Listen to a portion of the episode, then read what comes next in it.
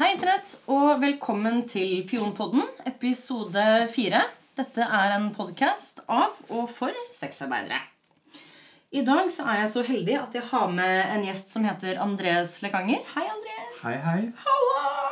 Halla, halla. Jeg er så glad du er her. Det er fint å være her. Ja. Skal vi se, Jeg tenkte at for de som ikke vet hvem du er, da, så har du lyst til å fortelle selv? Introdusere deg selv litt? Ja. Eh, jeg heter Andres Lekanger. Jeg er 33 år. Jeg har utdannelse som vernepleier. Jeg jobber som feltarbeider i Pion, sektorbandets interesseorganisasjon. Og så jobber jeg litt på brukerrommet. Driver med et prosjekt som heter Chem Friendly, som er skadereduksjon overfor uh, skeive som ruser seg, herunder også sexarbeidere.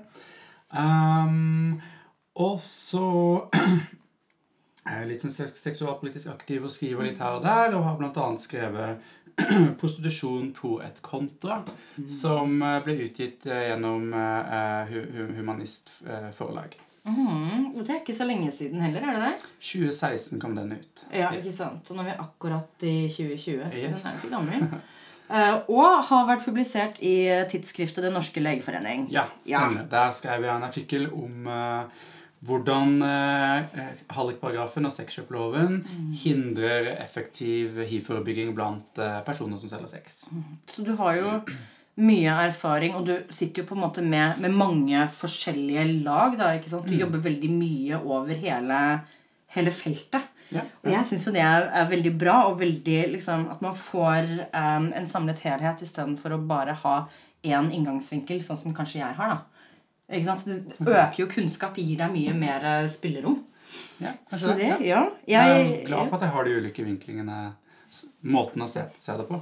Ja. Innfallsvinklene. ja. Jeg leste jo Pro et, pro et kontra før altså prostitusjon eh, pro et kontra før vi traff hverandre. Mm. Jeg husker jeg sa det til deg, for jeg hadde så mange sånn Jeg satt jo med sånne gule lapper og penner og alt mulig og skulle bruke dette her i masteroppgaven. da eh, Så jeg var litt sånn fangirl.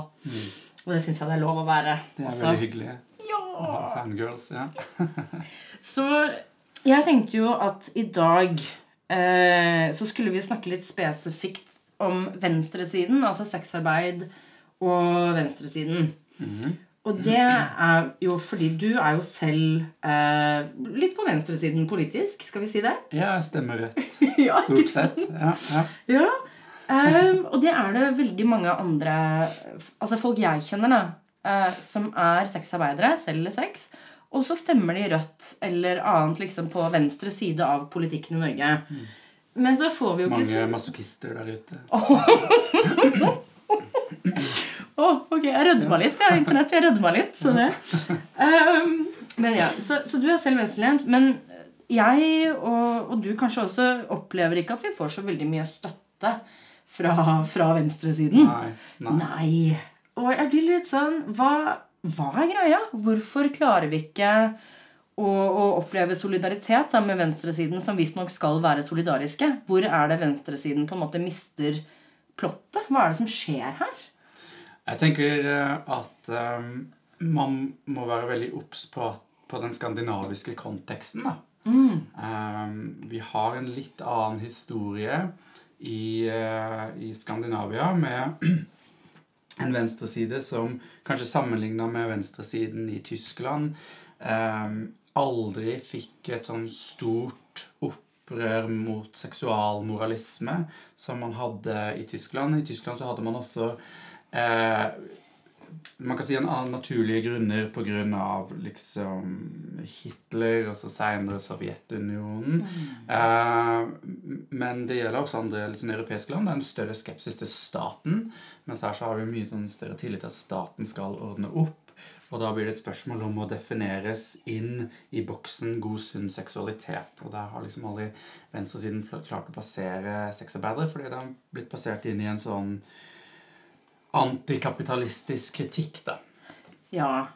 Og, og, og jeg kjenner at vi kan fort eh, holde på Jeg hadde noen spørsmål om det òg. Som er liksom nyliberalisme, kapitalisme og sexarbeid. Og det, jeg kjenner at det, det må være en sexarbeider der ute som kan skrive en bok, en masteroppgave eller lignende om akkurat det.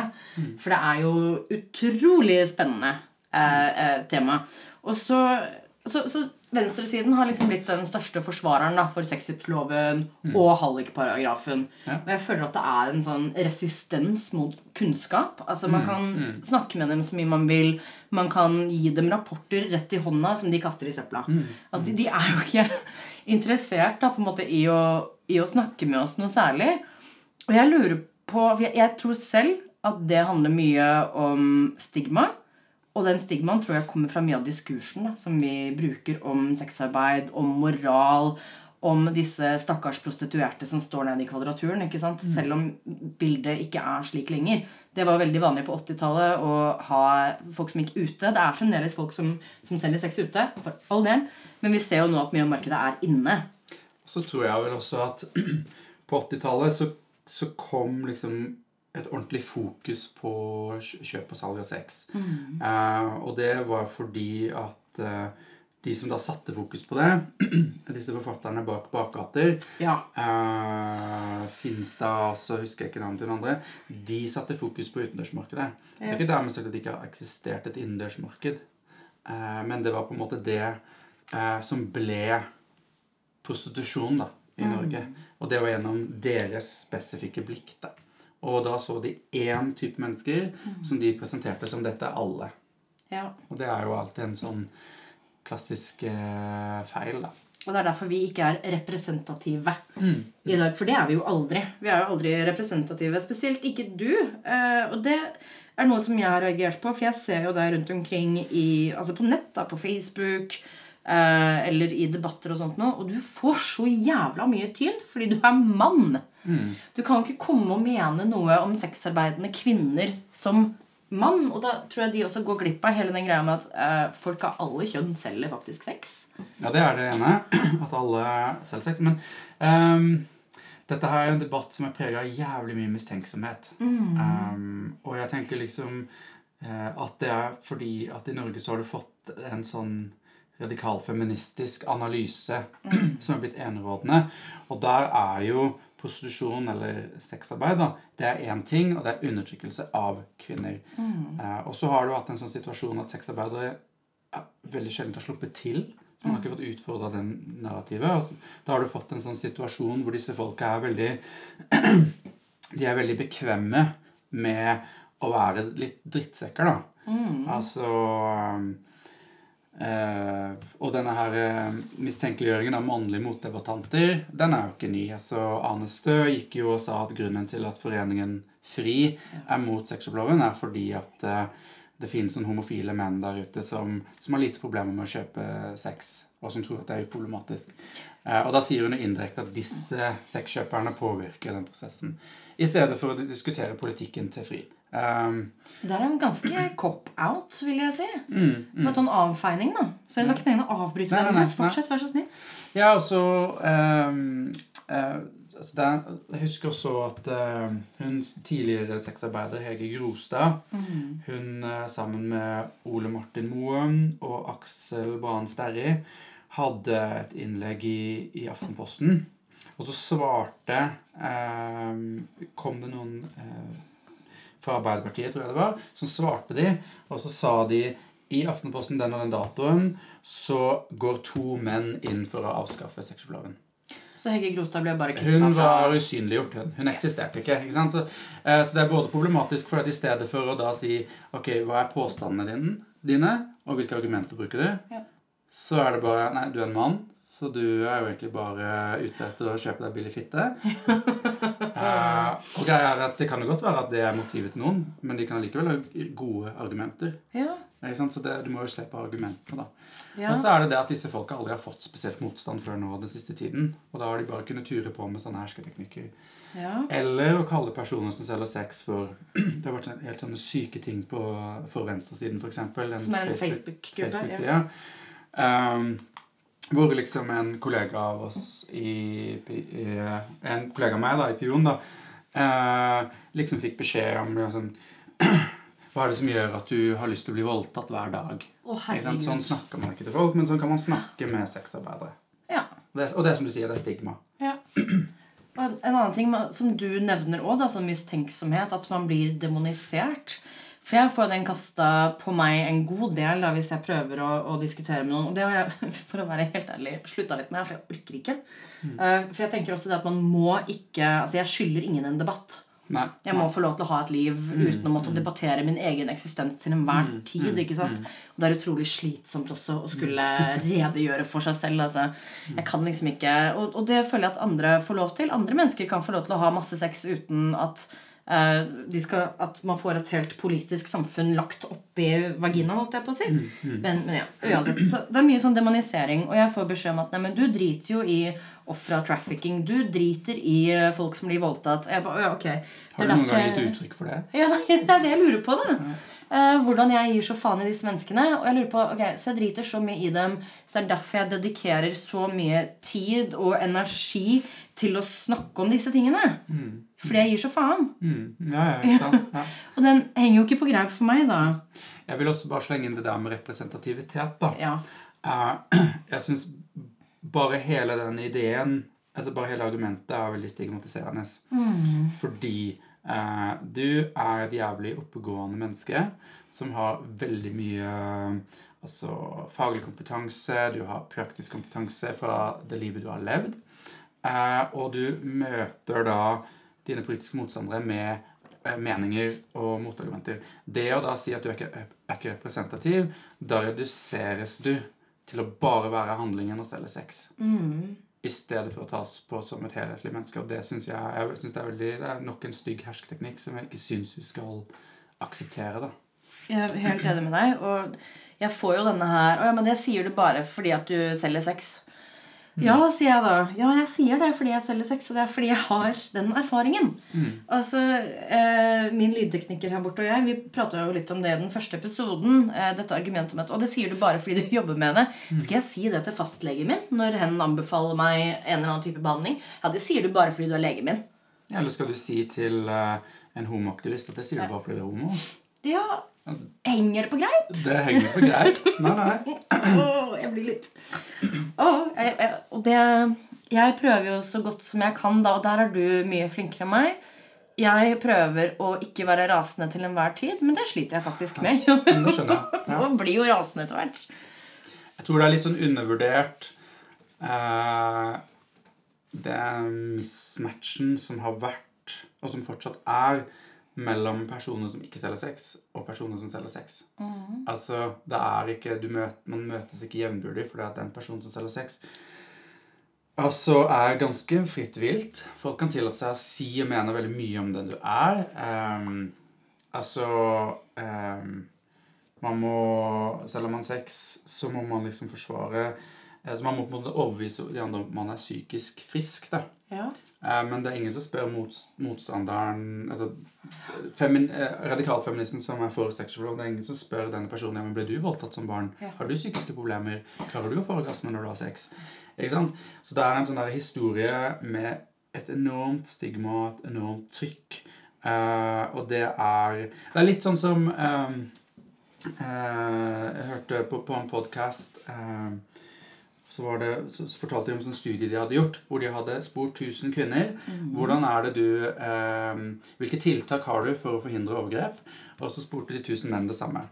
Eh, og eh, alle kvinnene hadde liksom bare den lista over ting de gjorde, Ja. mens alle mennene var bare sånn What the fuck, liksom? Hva er det her? Ja. Og det som var poenget hennes, var at, at er det ikke rart at damer kan være sånn gærne av og til. Fordi at du går i en konstant frykt. Og det er litt sånn, jeg tenker det er naturlig å være sint og rasende når man har møtt det eh, hele eksistensen sin. da. I så mange år, ja. Ja. Jeg er veldig enig. Og spesielt den der som du sier, da, at vi som selger sex, vi opplever mye stigma, vi opplever mye mistanke.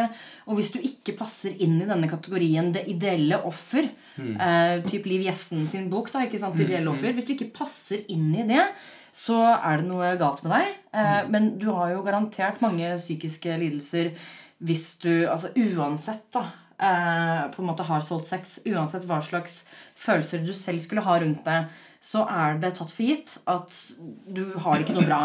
Eh, og du har det helt forferdelig med din egen seksualitet. Og jeg syns jo at dette her for det første er jævlig slitsomt og konstant føler meg som at jeg står i en motbakke. da, Litt sånn Sisyfus med den steinen. Og bare løfter og går og løfter og går ikke sant, mot disse argumentene. Så er alt er irrelevant. Ja, Hva er, det, hva er det du mener? Hva er meningen din? Og hvilke argumenter er det du fremmer? Du kan være crazy as fuck og likevel ha veldig gyldige meninger. ikke sant? Ja. så, det, så det er helt irrelevant. Det som har noe å si, er hva slags meninger er det man har, og hvordan argumenterer man for det. Ja, men jeg tror også da at de folkene som argumenterer, kan være litt blinde for sitt eget stigma. At de kanskje ikke helt selv forstår Eller kanskje ikke har tatt oppgjør da, med de tankene som, som man har blitt tillært over lengre tid. For jeg tror da at ingen er immune mot det samfunnet som vi vokser opp i. Nei, altså Ikke du, ikke. ikke jeg, ikke noen som helst. Og hvis man ikke har solgt sex selv, så har man kanskje ikke satt seg ned ordentlig da og, og spurt seg selv Men hvorfor tenker jeg at alle som selger sex, er syke? Hvorfor tenker jeg at alle som selger sex, eh, har masse sykdommer og gir faen i egen kropp? Hvorfor tror jeg eh, at alle som selger sex, har en slem hallik-kjæreste? At man kanskje ikke måtte, ja da, tar et oppgjør, men at man kjøper disse historiene litt blindt. Ja, og man har kanskje ikke fått servert så veldig mange alternativer. Det er derfor jeg syns det er så bra, for nå ser man jo at flere og flere personer som har erfaring med å selge sex, bare popper opp her og der, og da kan man begynne også utfordre de narrativene, da. Men det krever jo at man må stå i en storm, at man må tåle at noen andre egentlig bare bruker det som et objekt og bare tenker du er syk, du er eh, skada. Eh, nå kan jeg gå på et debattforum og snakke hvordan jeg vil med deg. Det er ingen som kommer til å stille spørsmålstegn ved det. Eh, fordi man er i en annen Man har en, annen, en mye mindre sosial kapital, rett og slett. Ja, og, og den syns jeg også er litt sånn når du snakker om dette her, et objekt. Som jeg bare Jeg har aldri hørt meg selv omtalt på en så stygg måte som når jeg leser sånn ab- Hva er det for noe? eh, Abolitionist-diskurs, da. Mm, ja. Aldri liksom Ja, nei, jeg er et hull som menn tømmer seg i. Ja, ja. Eh, kroppen min er eh, Hva er det de skriver for noe? Jeg er så sårbar. Og etterpå så ligger jeg antageligvis og spyr. Og denne kroppen som må motta maskulinitet og vold fra mannens penis. Og jeg bare Holy shit! Hva er det her for noe traumeporno? ja, ja. Aldri... Det kanskje sier mer om den psykiske tilstanden til de som kommer med de, da. Disse påstandene. Jeg er ganske enig med deg. Må jeg si. Ja. Så, man kan jo bli Man kan bli se, man, man blir jo litt Man blir jo så lei. Så da er spørsmålet hvordan kan vi endre diskursen rundt sexarbeid på venstresiden? Uh, ja, jeg tenker uh, For det første så må vi finne en uh, Vi må bruke argumenter som er rotfesta på venstresiden. Ikke sant? Eh, det er ingen sexarbeideraktivister på venstresida som ønsker eh, å ha bort sexkjøploven pga. økonomisk liberalisme. Nei, sant. Ja, det handler om eh, Og det er ingen på venstresida, altså, altså sexarbeideraktivister på venstresida, som ønsker å behandle sexarbeid som arbeid og gi arbeiderrettigheter fordi at man har en eller annen romantisk forestilling om at alt sexarbeid er rosenrødt og fint og flott. Altså man, Vi organiserer oss for våre rettigheter fordi det er et problem der ute. Ikke sant? Uh, så dette handler jo om uh, at man, det er et arbeid, og arbeid er dritt. Det er utnyttelse under kapitalismen. Eh, men vi ville ikke kritisert noen andre arbeidere som fagorganiserer seg. Da skulle vi heller ikke kritisere at sexarbeidere organiserer seg for sine rettigheter under et urettferdig kapitalistisk samfunn. Så vi må ha liksom de der argument, venstresideargumentene på plass. Eh, og så må vi på en måte, ikke nødvendigvis i media, men at sexarbeidere må stå fram der man kan. da. Ja. Og, og så må vi liksom finne måter å backe hverandre opp på. på en måte. Jeg syns det er veldig vanskelig å være åpen-ish. Altså, jeg deltar jo på en del konferanser. Jeg deltar eh, på Pion sine ting og Prosenteret. Jeg har snakket på Nyhetfestivalen, f.eks. Og det i seg selv syns jeg kan være vanskelig. Jeg har blitt snikfotografert av mm. radikalfeminister. Og det syns jeg var eh, helt for jævlig, for å være ærlig. Jeg syns det var skikkelig ekkelt. Eh, og da blir det og Jeg er enig med deg. skjønner du, Jeg vil også at det skal være mulig å stå frem. Og ha en Ikke offentlig debatt, kanskje, men i det minste da kunne finne hverandre. Mm, For jeg syns det er veldig vanskelig å finne andre mennesker som selger sex. Og det å da skulle prøve å lage et nettverk kan, kan være vanskelig. Men når man ser på den mediestormen som Hege Grostad måtte stå i, når jeg ser på hvordan jeg blir omtalt allerede da, med folk som ikke vet hva jeg egentlig heter, så frister det jo ikke mer å, å stå fram med eget navn og bilde. Og der har jo vi prøvd sant, å, å gjøre det sånn at nei, dere får ikke lov til å ta bilde av de som sitter i panelet. Og så gir folk faen. Og så tar de bilder allikevel. Og så deles det på interne nettverk. Og folk lurer på hvorfor de ikke hører mer fra sexarbeideraktivister der ute. Det er jo fordi vi blir jo behandla som dritt. Ja. Og selvfølgelig vil man ikke stå frem da. Ja. Jeg håper jo um, For vi har jo faglig vorspiel hvert år, og der har vi jo fokusert på liksom fotoforbud og videoforbud og samarbeid med vakter for å kaste ut. Og der sier vi også at vi oppfordrer til angiverisamfunn. Ja. Og jeg har jo vært litt sånn egentlig at liksom uh, safe, safe, quote unquote safe spaces, boo. Uh, vi må tørre å ta en debatt og bla, bla. Uh, men så tenker jeg nei, nei, altså du kan tørre å ta den debatten når du har uh, det rundt deg som du trenger. Ja. Og for å få dit så må vi ha sånne safe spaces. Så det er veldig kjipt at du har hørt at jeg er blitt brutt, da. Og da må jo vi bli Jeg har vært på eh, noen et arrangement med deg. Det var ikke i Pions regi, men eh, hvor det var veldig bra. Hvor du bare Hei, hei, hei. Den personen der. Vekk med mobiltelefonen. Yes! Det var liksom eh, det var, det er liksom, Man snakker om god og dårlig skam. Det var god skam. Ja. Nei, det har, det har skjedd eh, litt her og der hvor jeg har vært sånn Kan dere gi faen? Ikke sant? Og det er noe med det å tørre å si ifra også. Ja, ja. Og det kan jo være vanskelig. Det, det kan absolutt være vanskelig, og derfor må man eh, ha eh, arrangørene i ryggen og være veldig tydelig. Og, eh, og så lærer man sånne ting som at eh, man må gjenta den beskjeden. For noen kommer etter at du har noen publikum kommer etter at du har gitt en beskjed, så man må liksom helt inn gjenta og liksom, må lære noen sånne ting. Uh, men så må man også kanskje tenke på For man, det er jo ingenting som er 100 sikkert. Nei, er Så har man en backup-plan i tilfelle eh, noen som er batshit crazy, kommer inn og driter i det du sier. Liksom. Så, Det verste av alt er at jeg vet Jeg kjenner igjen de to som tok bilder av meg. Jeg kjenner dem igjen. Fra, Og det må vi også snakke om fra 8. mars-møter og sånn. Ja, Ja, og jeg beklager å måtte ta det opp, men eh, 8. mars For det er alltid en ganske sånn politisk eh, strid, da. Eh, som du også har stått i veldig lenge.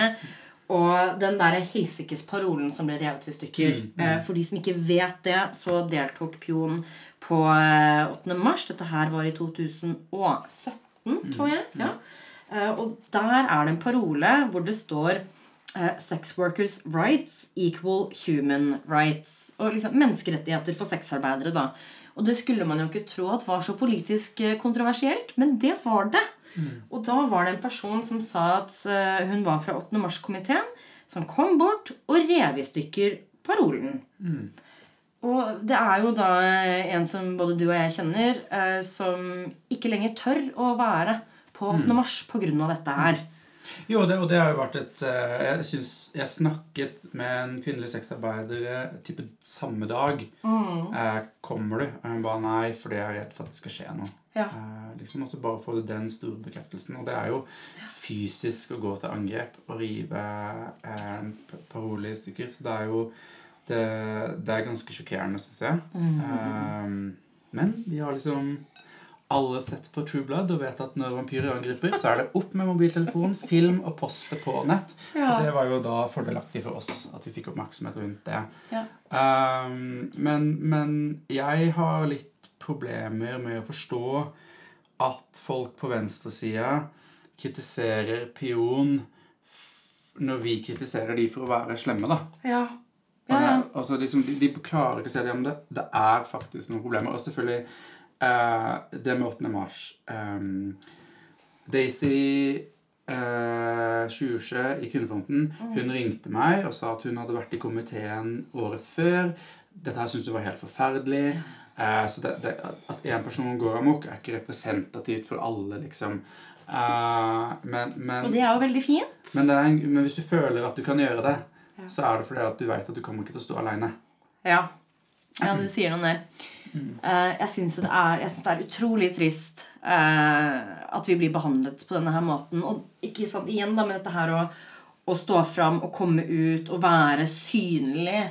Når man ser disse tingene, eh, og at det jevnt over En ting var jo det medieoppslaget som Pion fikk, og det syns jeg var veldig fint. At det ble eh, opplyst om at dette her er slik man behandler sexarbeidere. Sli- Dette her skjer faktisk. Så jeg er glad for at det ikke bare ble borte. Jeg er veldig glad for at noen fra kvinnefronten sier at sånn skal det ikke være. Eh, og det er at, at man blir overrasket over, over at de er snille noen ganger. Jeg tror jeg også liksom sier litt sitt, da. Så har du også disse her formøtene til 8. mars, som jeg Ja! Som er ganske Jeg har live-tweeta de da eh, to år på rad. Og det kommer jeg til å gjøre i år også, hvis jeg er der. For de også kan være ganske Hva skal vi si? Jeg, jeg syns en del av de tingene de sier, er obskøne. Og for en sexarbeider å sitte og reagere på ordbruk, da har du gått langt, ass. Da har du virkelig fått til. Men jeg tror også at det kanskje har hjulpet Pion litt. Da, at, at det nå kommer frem i lyset hvor jævlig folk kan være mot folk som selger sex. Ja, ja. ja, jeg bare tenker sånn som året etterpå, så var jo spørsmålet eh, Altså selvbestemmelse for sexarbeidere. Ja. Ikke sant? At det ble stemt ned. Og de satt jo og lo i salen. Ja, ikke sant? Så tenker jeg liksom Men det er veldig spesielt. altså Da går vi virkelig inn i løvens hule. Og for min Ja. del så var det jo Da var jeg veldig glad for at fordi jeg er en cis-mann, Ja. så har jeg ikke så, så, bør, så passer det seg ikke å gå på scenen og tale. Ja. Så jeg slapp jo å ta imot veldig mye Mm. fra salen, da. Fordi jeg gikk ikke på scenen, så all respekt, eh, ikke minst til Lilith. Uh, og, og vår kollega eh, Julie, som en sånn alliert, da, som også gikk på scenen. Og, Ja. og hun var jo frekk nok å snike seg til en ekstra gang på, på scenen, så Stø sto jo helt rasende bak henne. Sto og himla med øynene. Ja. Stemmer det. Det er kjedelig, ass. Ja. Og det er noe med og, Noen ganger så er det riving av paroler, men andre ganger så er jo kroppsspråket nok. Mm, mm. Ikke sant, Denne konstante oppførselen. Nå vet jeg at vi sitter og ragger en del på radikalfeministene, men you know what? Fuck it. Jeg er ferdig, altså jeg bryr meg ikke. Jeg orker ikke å bry meg eh, så mye om hva de syns om meg lenger. Og det var vi, vi snakket så vidt om det før vi gikk til opptak i dag. Dette her med Jeg har vært veldig redd. Altså Jeg har vært livredd for radikalfeminister, og det syns jeg også er med god grunn. Eh, å bli skjelt ut og få paroler revet i stykker og bli kasta kaffekopper på. Eh, disse her tingene samtidig som jeg blir, blir beskrevet da, som en eh, kropp som bare skal voldtas og slås og tisses på. Da får man litt sånn Man, man kan eh, ja, bli veldig redd, da. Og nå prøver jeg ikke la det gå inn på meg i like stor grad. Mm. jeg syns det er veldig interessant at de skal redde meg eh, med å beskrive meg som en voldtatt kropp som skal tisses på. Mm, mm. Jeg lurer liksom på hvor logikken der er, da. Eh, Men Egentlig. det er jo igjen da at liksom de som det gjelder, har aldri fått lov til å ta del av den debatten. Ja. Og da er det noen selvutnevnte frelsere, en opplyst elite, Ja. som har fått lov til å sette premissene for hvordan man omtaler denne gruppa ja. og tematikken. Og så har de aldri blitt utfordra på det. Så jeg får lov til å ralle av gårde i ganske mange år. Ja, ja, det, og det, det er det eneste som kommer til å funke. Det er jo at altså, makt krever motmakt. Ja. Så vi må bare gi tilbake når man, på de arenaene man kan, og når man orker, liksom. Ja. Og for meg så har det vært skrive rapport, eh, delta på faglig vorspiel og annet, og lage podkast. All ære til deg som orker å ta dem eh, i store forum, da, sånn som på For venstresiden og sånt noe. ja, ja. Jeg var en liten eh, Ja, jeg orker ikke, altså. Jeg blir gæren. Så det, jeg var en liten periode medlem i en Facebook-gruppe som heter eh, Den selskapelige. Mm. Og det var jo, Jeg fikk dem jo alle på meg. Jeg kjente jeg bare Å, fuck off. Og litt sånn tilbake da til dette her eh, med oh, ja, sorry. Nei, jeg, jeg, jeg bare husker Du var også på venstresiden en periode, og da husker jeg at jeg skrev til deg fornavn Altså Hanna, komma for, Fornavn først, for å være litt sånn streng. Du må huske å si fra til oss andre at Ja. du deltar, så vi kan backe deg opp. Og det er sånn jeg tror man må gjøre det. Man må vite at vi har et team i ryggen. da. Ja. Eh, og på sånn, altså på sånn venstresiden, da er det litt sånn Nå har jeg en dag med ingenting å gjøre. Så nå orker du? Ja. Nå setter vi i gang. Ja, Brette opp erma? ja, ja ikke sant? Ja. Og det Jeg klarer jo litt på Twitter, men det jeg ofte gjør, da, er å lenke til Her er en rapport som sier dette. FN sier sånn Verdens helseorganisasjon, Amnesty International, Uh, The International Labour Organization. Ja, Men man kommer ikke gjennom. Og, men, så jeg vil bare lite grann um, Den uh, artikkelen som du skrev i tidsskriftet til Den norske legeforening. For det var da kriminalisering og hiv-smitte, var det det? Ja, kriminalisering av hiv-smitte Nei, av sexarbeid. Kriminalisering av sexarbeid Ja. hindrer eh, hivforebygging. Ja. Ja. Og man skulle jo tro da at Ok, ja men, ja, men da vet vi det. Og da burde vi jo tenke over at eh, for å være godt helsepersonell og legge til rette for mennesker og prøve å hindre hiv-smitte, så må vi se på dette. Eller ikke sant, andre typer ting, da, sånn som Amnesty kommer fram til, som FN kommer fram til. At man ga litt kredibilitet til disse rapportene. At man kunne basere seg på forskning. Men så gjør vi ikke det. Nei, og Der kommer litt den der faktaresistensen. Jeg syns eh, Amnesty-rapporten er veldig interessant. For mm. den sier jo f.eks. at eh, kvinner som er, solgt, som, som er blitt eh, voldtatt i leiligheten sin, og så går de til politiet for å anmelde, og så kaster politiet dem på gata. Operasjon husløs. Ja, Ja. typ. Eh, eller, men, men, men sant, dette håndhevelse av hallikparagrafen skjer jo også utenfor den operasjonen. på en måte. Ja, korrekt. generelt. Eh, og det ble jo på en måte bare avfeid av norsk kvinnebevegelse. Ja. Fordi at konklusjonen til rapporten er avkriminalisering. Ja. Men det hadde vært fullt mulig å si ok, dette er et problem. Dette må vi se på. Uten at man dermed er enig i rapporten. ja. Men det bare Nei, nei, vi, hele rapporten er søppel. Det var vel liksom konklusjonen, da. Det er noe med det å ikke tro på folk heller når de sier at dette er et problem som vi har. Og hvis dere har lyst til å hjelpe oss, så kan dere gjøre disse tingene.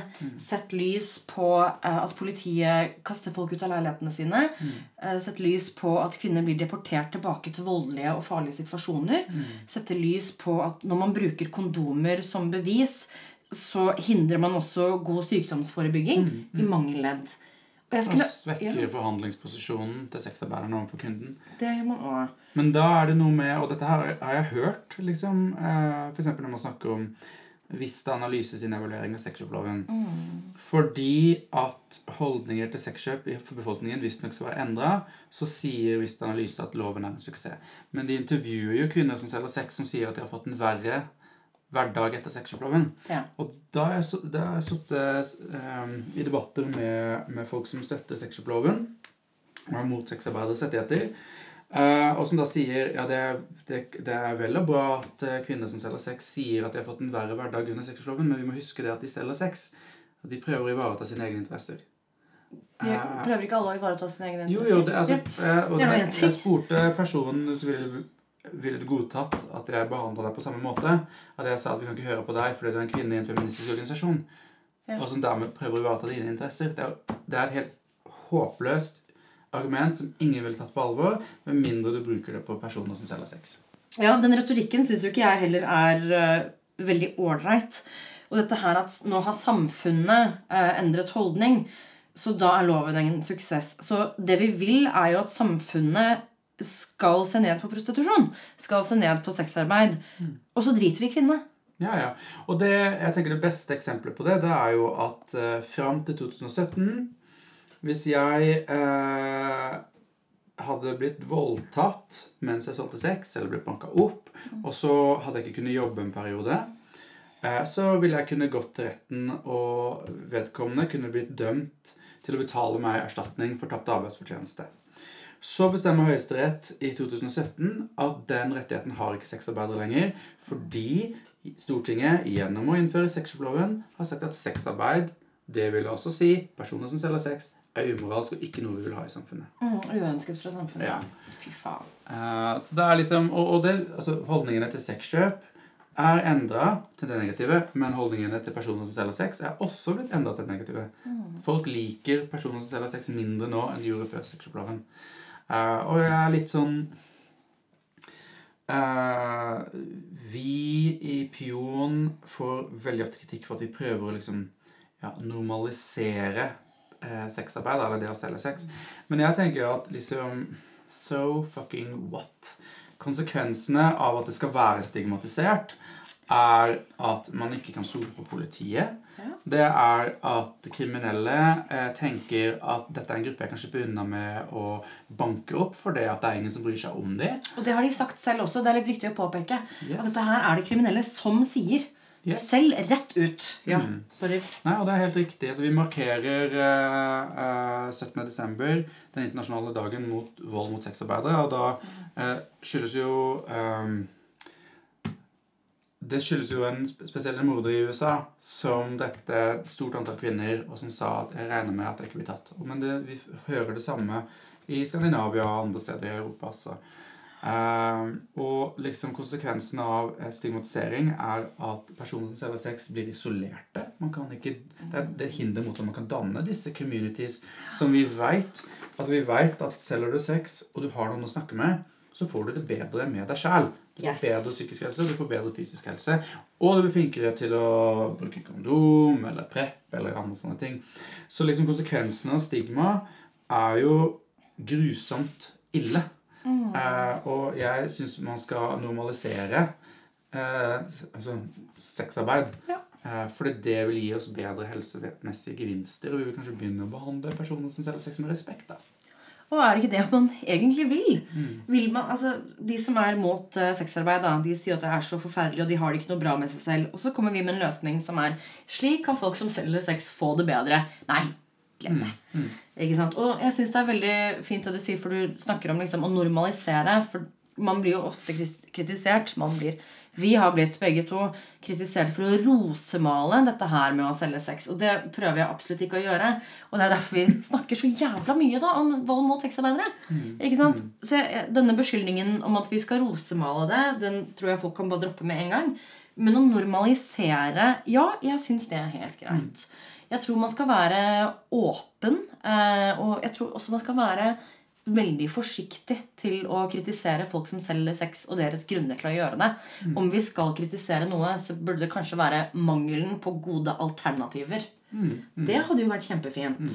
Men det, det- finnes jo ikke noe exit-tiltak heller. Så det. Vi har jo prosentere som, som hjelper til, men det finnes ikke et eget liksom, Her er exit-tiltaket. Okay. Da sexkjøploven kom, så var det jo lovet veldig mye penger. Eh, og her skulle det være tiltak. Og det som finnes så vidt det er, er jo eh, Marita-stiftelsen her i Oslo. Veldig bra stiftelse, syns jeg. Eh, men der vil vi jo også nå da at den, de skal kuttes Altså deres eh, Å, kom igjen. Budsjettet deres skal kuttes i to, fra 1,2 millioner til 600 000. Ok, ja. Og det er jo altså et spytt i havet. Mm. Mm. 600 000 kroner er ingenting. Nei. Um, hmm. Nå, nå mister jeg poenget. ja. sorry, eh, Stigma mot folk som selger sex, og som, som går ganske Jo, Ja. der fikk jeg poenget. Jeg tenker at det med bedre og flere hjelpetiltak, det er jo noe som i utgangspunktet burde forene eh, sexarbeideraktivister og radikalfeminister. Ja. Um, og ja, vi har liksom prøvd å liksom rekke ut en hånd og si kan vi være så snille og liksom samarbeide om, om sånne punkter som f.eks. Ja. Uh, få politiet til å slutte å konfiskere ubrukte kondomer fra sexarbeidere. eh, bedre hjelpetiltak og bedre beskyttelse for, eh, for eh, ofre for menneskehandel som vitner. Dette her er jo vi, i, Alle er uttalt enige om det, men kan vi sette oss ned? Kan vi gå sammen? Kan vi skrive en kronikk sammen? Kan vi sende et brev til politiet sammen? Kan vi gjøre et eller annet som felles? Eh, det burde liksom være muligheter for det, da. Men det fikk dere vel nei på? Ja, vi, vi hadde et møte med Kvinnefronten, men da fikk vi beskjed om at de ideologiske forskjellene var for store til at de torde å gjøre det. Ja. Takk for hjelpen, da. Ja, Kvinnefronten. ja. Sorry. Så um, en, en ting som jeg kjenner igjen lite grann, er disse typiske stigmaene og argumentene mot uh, sexarbeid. Og liksom typ det samme med homokampen, da. Mhm. Ikke sant? At ja, men ingen som er friske i hodet, ville valgt dette her. Mm. Og alle har sykdommer. Og Ja, ja. dette er umoralsk. Og det hører ikke hjemme i et friskt og godt samfunn. Mm. Mens nå har vi en helseminister, Bent Høie, som er åpent skeiv. Mm. Mhm. Ikke sant? Så dette her snakket jeg med Sara om litt i grann, eh, forrige episode. Tror du vi noensinne kan komme til et sted hvor vi har en minister som er åpent tidligere sexarbeider? Ja, det håper jeg, da. Ja, Det det håper jeg var da. Ja, nå er vi jo der eh, Som sagt, jeg føler at eh, Eller jeg opplever jo at eh, flere og flere personer som har erfaring med å selge sex, eh, slår fram. Både her på berget og sånn internasjonalt. Og det skjer litt sånne kule ting. Sånn som nå Helt forferdelig, sinnssykt, insane forferdelig det som skjer i Australia. Men Med brannene, altså, Med ja. branner og en milliard døde dyr, liksom. Mm. Og dyreraser som bare var utrydda. Eh, men så kult at sexarbeidere eh, liksom eh, samler inn penger gjennom å selge nakenbilder, Mm. for eksempel. Og det er flere som også nå gir prosent av bookingene sine Mm.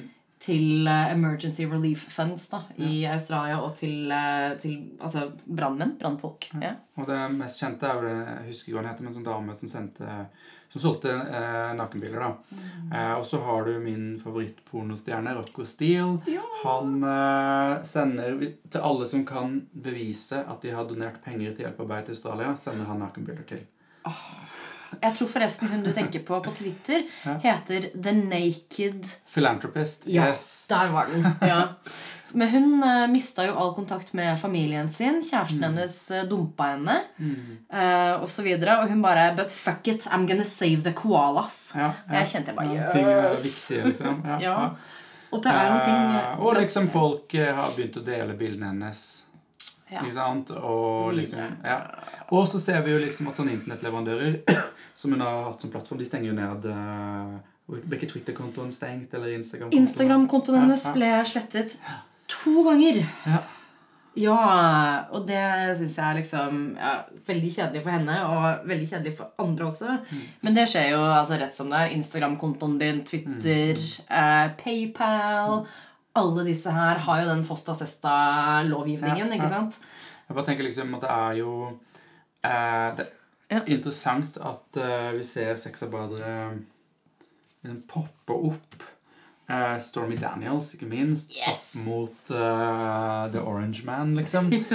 um, men også hun, liksom Så, så vi er et sted hvor sexarbeidere popper fram, og man kan bygge opp mer sosial kapital. Men jeg har også sett liksom debattprogrammer hvor Stormy Daniels ble avfeid med at vi kan ikke stole på henne. Hun, Hun, hun selger jo sex, liksom. Uh, så jeg tror nok det er en lang vei å gå før vi kommer til det samfunnet hvor eh, noen kan være i en politisk posisjon kan være med at de har solgt sex. Men jeg håper jo at vi er der, da. Jeg tenker i hvert fall at vi er, vi er på et sted hvor vi har skal vi si, rev i seilene, da. Ja. Jeg, jeg liker det. altså er internasjonalt også, at vi på en måte våkner litt. Men på den samme siden, eller på den samme, på den andre siden så ser vi jo at den nordiske modellen, eh, som egentlig er en litt eh, dumt uttrykk, eh, for det er jo ikke, det finnes ikke én nordisk modell, det finnes avarter av den. Men så den er hvor eh, det er lovlig å selge seksuelle tjenester, men det er ulovlig å kjøpe dem. Og det er gjerne hallikparagraf på toppen av det som tilsier at man kan ikke jobbe sammen. All form for bordelldrift er ulovlig, og bordelldrift kan være så smått som å dele en leilighet og selge sex. Så vi ser jo at den blir innført flere steder og snakket om. Og det syns vi er utrolig trist, for vi vet at den modellen er livsfarlig for folk som selger sex. Og vi vet at den gjør sexarbeidere mer utsatt for vold, mer utsatt uh, for typ sykdom og mer utsatt for stigma, som igjen øker ikke sant, uh, mulighet for vold. Så jeg håper jo da at man på et eller annet tidspunkt begynner å lytte til sexarbeidere. Og stole på dem. ikke sant? At vi, at vi ikke bare blir avfeid med de argumentene som vi har snakka mye om i dag. Og at man orker å høre på fakta. Ja. Jeg tror litt av utfordringen der er at eh, eh, det er et kjempeprosjekt for Sverige AS Ja. uh, å eksportere eh, sexshoploven Uh, som et liksom seier for likestillingen. Så de pøser masse, masse penger inn på å eh, på å påvirke ulike regjeringer her og der. Og så er vi jo i en veldig ustabil eh, tid, da. Og i ustabile tider så tyr man til liksom indre ytre fiender. ikke sant? Og nå så ser vi jo at vi har eh, Både i Vest-Europa, men også liksom i Øst-Europa og USA, så ser vi jo liksom at det er den her konservative, vi må verne om familien. Og så kan man liksom ikke ta I Øst-Europa så tar de og går etter homoene. eh, og det kan man ikke gjøre i like stor grad her. Men da er sexarbeidere en veldig sånn lett gruppe å liksom Se, nå, nå beskytter vi kvinner.